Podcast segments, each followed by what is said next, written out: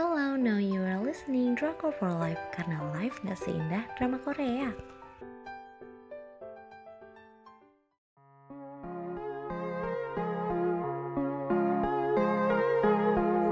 Review drama Korea Made for Each Other antara tergila-gila atau sama-sama gila ya.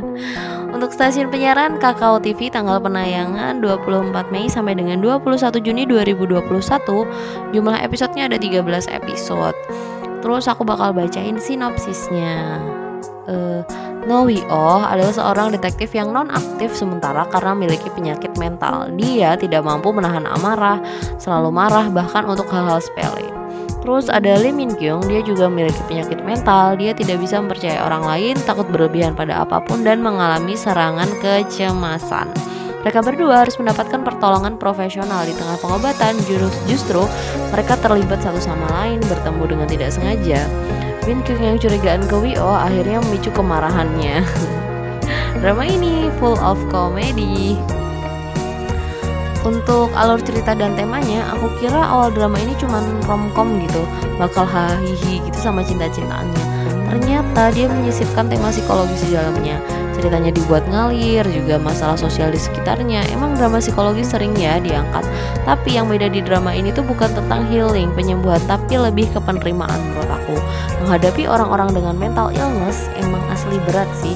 Kalau nggak kuat kita juga bisa kena gitu kita sebagai pendampingnya kita sebagai menghadapi bisa kena juga si mental illness ini makanya uh, orang dengan mental illness itu harus dapat penanganan yang tepat menurut aku selanjutnya konflik hmm, awalnya tuh si Min Kyung yang curigaan karena penyakitnya.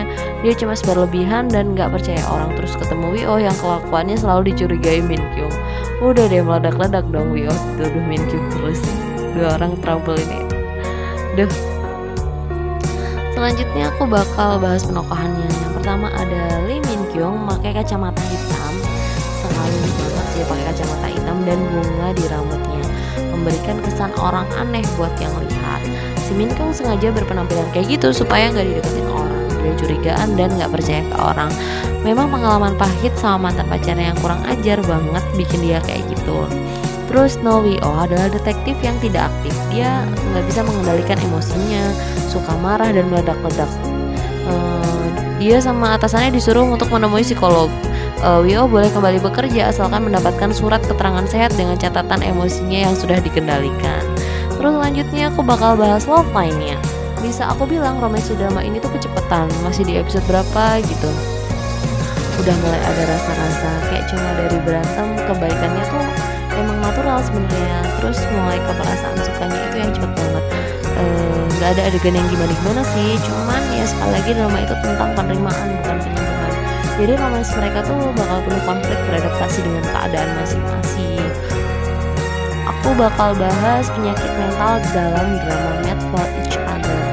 Uh, Wio dan Min Kyung mengalami penyakit mental yang muncul karena kejadian masa lalu Min Chung didiagnosa terkena PTSD dan Wio didiagnosa terkena PTED. Udah pada tahu apa belum? Mungkin kalau PTSD kita sering dengar ya.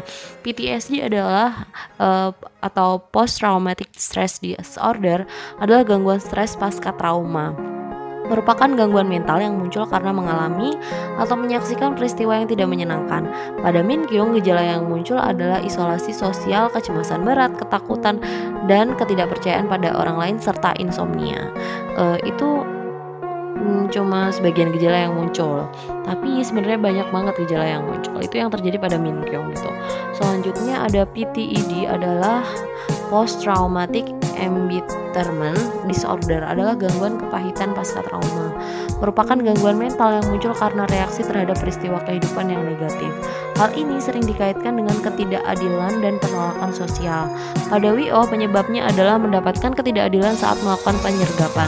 Tindakannya mengungkap kebenaran dihalangi oleh atasannya. Emosi yang muncul pada akhirnya e, memunculkan emosi yang terlalu meledak-ledak gitu dari kemarahannya kayak yang udah aku sering bilang sebelumnya drama ini bukan healing tapi lebih ke penerimaan.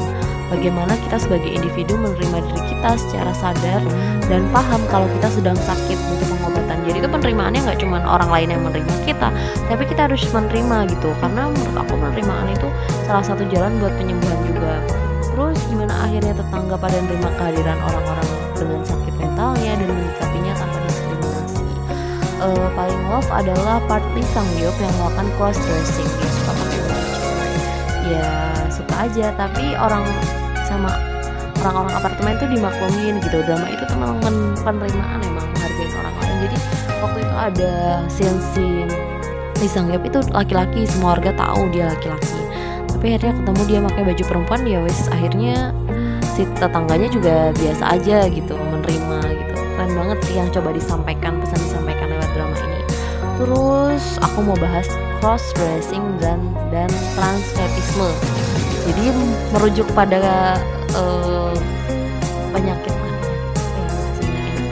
penyimpangan yang dilakukan oleh si Lisang Yop itu tentang cross dressing awalnya aku biasa aja sama perilaku Lisang Yop yang suka baju perempuan dan dandan cantik kayak perempuan. Di kita sering banget disebutnya banci. Ternyata ada namanya cross dressing pernah denger nggak namanya ini jadi cross dressing adalah perilaku seorang biasanya laki-laki yang suka memakai pakaian dan berdandan seperti perempuan. Tapi perempuan ada juga yang suka berdandan kayak laki-laki. Pelaku cross dressing ini biasa disebut dengan cross dresser. Biasanya kalau maaf ya, biasanya cross dressing ini dihubungkan dengan keadaan saat orang yang melakukan cross dressing mendapatkan kenikmatan secara seksual dan berdandan sebagai seorang wanita.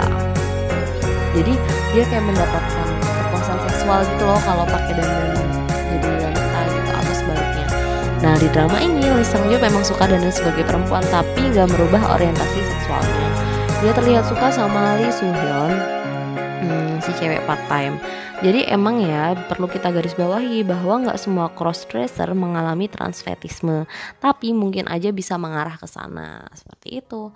Hmm, Sebenarnya aku kurang suka pak sama endingnya yang dipakai time jam, apalagi pakai pisah dulu soalnya. Uh, kayak mereka ada masalah gitu kan. Terus akhirnya mereka pisah dulu terus akhirnya balik lagi bersama. Part yang paling bikin seru justru di episode 11 atau 12 gitu loh. Kayak konflik puncak-puncaknya. Kayak ya kalian nggak mungkin bisa bersama dengan pemikiran itu dengan mental illness kayak gini. Tapi mereka bisa ngelewatin itu. Suatu yang sulit tapi make sense sih. Jadi drama ini cukup menghibur mm, bisa ikut kebawa emosi di dalamnya. Drama ini tuh lebih bermakna daripada cuma sekedar drama romcom. Banyak nilai yang coba disampaikan menurut aku.